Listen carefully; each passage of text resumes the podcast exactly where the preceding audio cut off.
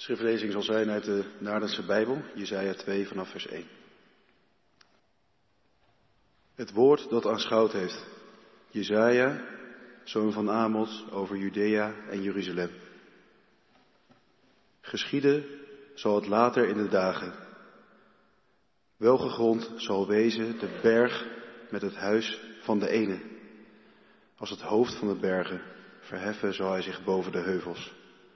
En toestromen zullen tot hem alle volkeren.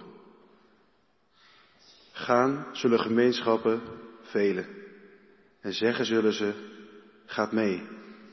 Klimmen wij op naar de berg van de ene. Naar het huis van de God van Jacob.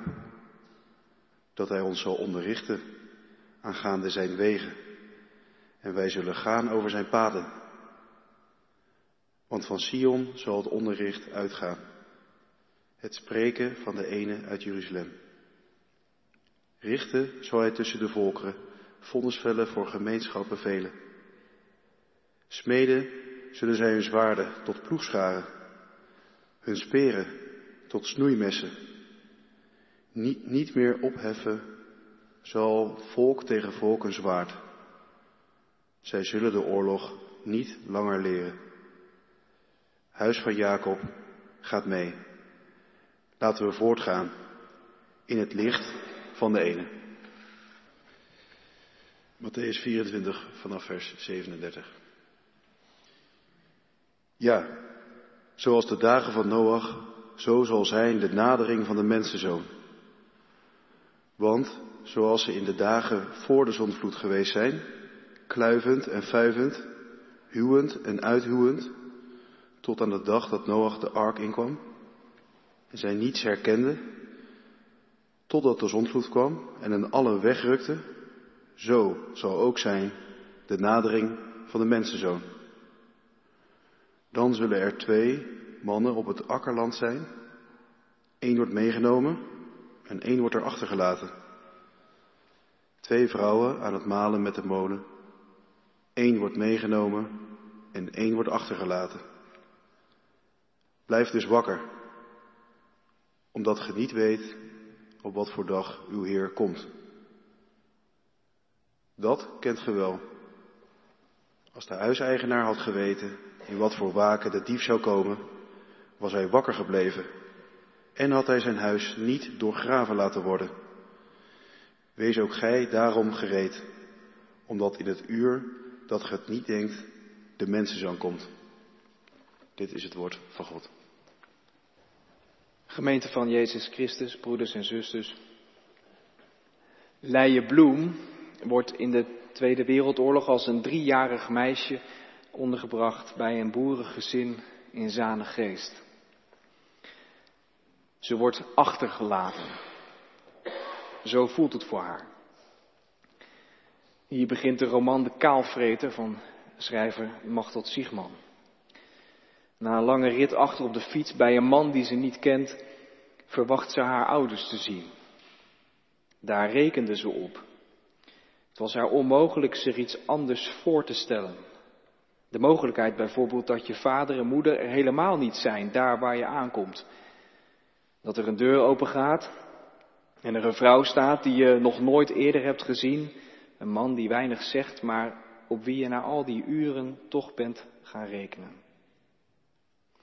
De vrouw zei, kom snel binnen en toen ging ze door twee deuren en aan een tafel zaten mensen die ze ook nooit eerder had gezien. De vrouw kwam omlaag met haar gezicht en vroeg, wie ben jij? En ze zei helemaal niks, want er was niets aan haar dat wou blijven. Als ze haar naam zou zeggen, zou haar naam hier blijven in deze keuken met deze mensen die ze niet kenden en dat wilde ze niet. De man die haar was komen halen, ging op een stoel zitten en kreeg een bord met aardappels en zij ging naast hem zitten en kreeg ook, zo'n honger had ze, dat ze helemaal vergat op te letten. En pas toen ze klaar was en helemaal vol zat, zo vol dat ze warm en een beetje slaperig werd, merkte ze dat de man was weggegaan en haar daar helemaal alleen bij die mensen had achtergelaten. Met deze scène begint het levensverhaal van Leije Bloem. In het boek is al een volwassen vrouw met kinderen, maar wat er hier gebeurt in deze paar alinea's vormt stof genoeg voor de rest van het boek. Hoe kan het ook anders? Het is immers stof genoeg voor een heel mensenleven. Achtergelaten worden. Deze angst om achtergelaten te worden kent ieder mens, geloof ik. Het is de angst van een kind, maar ook de angst van wie ouder geworden is en, en bang kan zijn om op een dag alleen verder te moeten. Hoe red ik het zonder jou? Heb je misschien wel eens gedacht. De Bijbeltekst van deze zondag gaat het ook over mensen die alleen gelaten worden op de dag dat de mensenzoon op aarde komt. Dan zullen er twee mensen zijn die op het land werken en de een zal worden meegenomen en de ander zal worden achtergelaten. En twee vrouwen zullen malen bij de molen en de een zal worden meegenomen en de ander zal worden achtergelaten. Als een dreigend refrein haast klinkt dit twee keer achter elkaar. Het gewone dagelijkse leven voltrekt zich. Een agrarisch tafereel van mannen op het land en vrouwen bij de molen. En opeens zijn er mensen verdwenen en zijn er achterblijvers. Best een beklemmend idee dat dat kan gebeuren. Deze tekst was dan ook een inspiratiebron voor nogal wat films.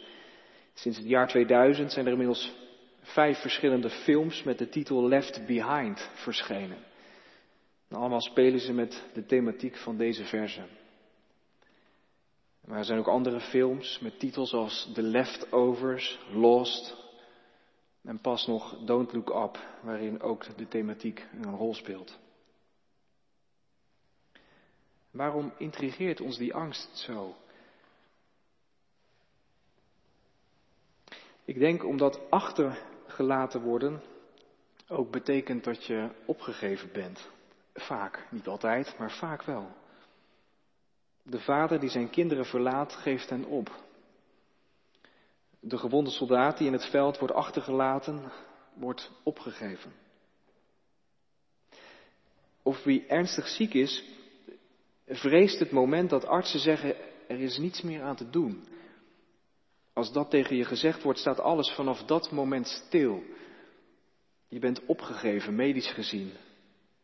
En de wereld draait verder, maar jij blijft achter. Je wereld staat stil. En gezegend ben je dan met dierbaren die je dan steeds weer opzoeken. Bij je blijven en je vasthouden. En God dan? Houdt God ons ook altijd vast? Blijft God ook altijd bij ons? Of laat God ook los? Laat God de mens ook achter?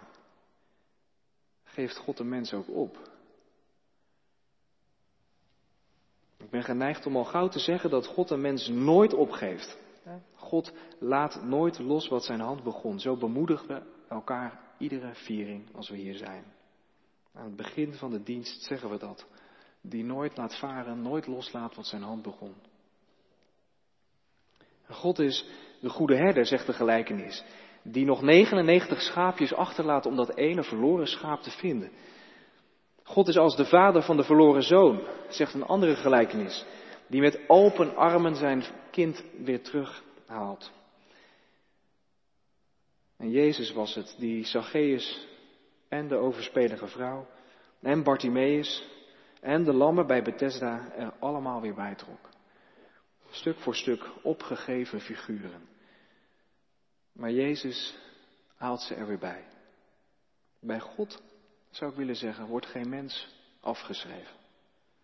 Ook Kadisha Ariep en Matthijs van Nieuwkerk doen nog mee, als het aan God ligt tenminste. En God heeft ook wat met nare mensen. God is niet zo van het achterlaten. God is meer van het opzoeken en het terughalen. En toch, toch spreekt onze Bijbeltekst vanavond over achtergelaten worden. Blijkbaar komt er een moment waarop dat wel gebeurt. Dat Gods toekomst als een soort grote trein langzaam en met horten en stoten in beweging komt. En, en blijkbaar is er dan ook een scheiden van de wegen, een moment van achterlaten. Maar, maar wie dan? Wie gaat er mee en wie blijft er Aan het slot van het vorige hoofdstuk, Matthäus 23, spreekt Jezus over de stad Jeruzalem. En dan gebruikt Jezus hetzelfde Griekse woord voor achterlaten. Jeruzalem, Jeruzalem, dat profeten dood en stenigt wie naar haar toe gestuurd zijn. Hoe vaak heb ik je kinderen niet bijeen willen brengen zoals een hen haar kuikens verzamelt onder haar vleugels. Maar jullie hebben niet gewild, zegt Jezus. Jullie huis wordt achtergelaten, letterlijk. En aan haar lot overgelaten.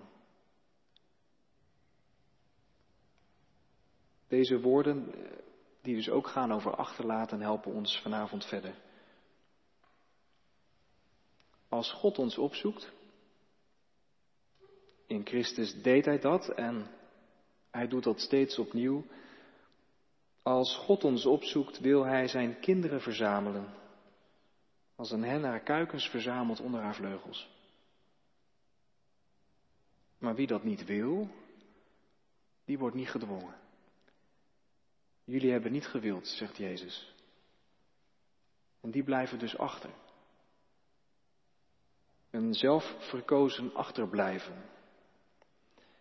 En Jezus had Jeruzalem voor ogen en de verwoesting van de tempel, wat niet lang daarna gebeuren zou. Maar de kerk neemt deze tekst nog steeds serieus.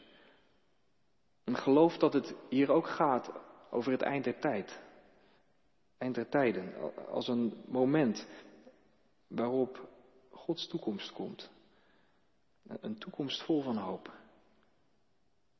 Maar die toekomst rollen wij niet zomaar vanzelf binnen. Nee, we moeten mee. We moeten er achteraan. We moeten willen. En, en dat is toch waarom er zoveel beweging zit in die adventstekst uit Jesaja 2. Met steeds die werkwoorden voorop. Toestromen zullen tot hem alle volkeren. Gaan zullen gemeenschappen velen. Klimmen wij op Zullen wij gaan? Ga mee. Laten we voortgaan in het licht van de ene. Dat dus. Gods toekomst komt vanzelf wel. Die hoeven wij niet te maken. Maar we moeten wel in beweging komen. Meebewegen. Ruim baan maken. Willen. Hier in de kerk bidden en een levende gemeenschap van hoop vormen. De tijd om dat vooral te doen is advent. Een tijd om schoon schip te maken. Om, als je geloof op een laag pitje stond, nu maar eens de toewijding weer te vinden. Want het zal zijn als in de dagen van Noach, toen de zondvloed kwam. Midden vanuit het gewone leven zal Gods toekomst beginnen. En dan is er een meegaan en een achterblijven. Intrigerend, maar ik hoop dat het ons ook aanmoedigt. Want de boot willen we toch niet missen. Kom in beweging. Maak schoon schip. Amen.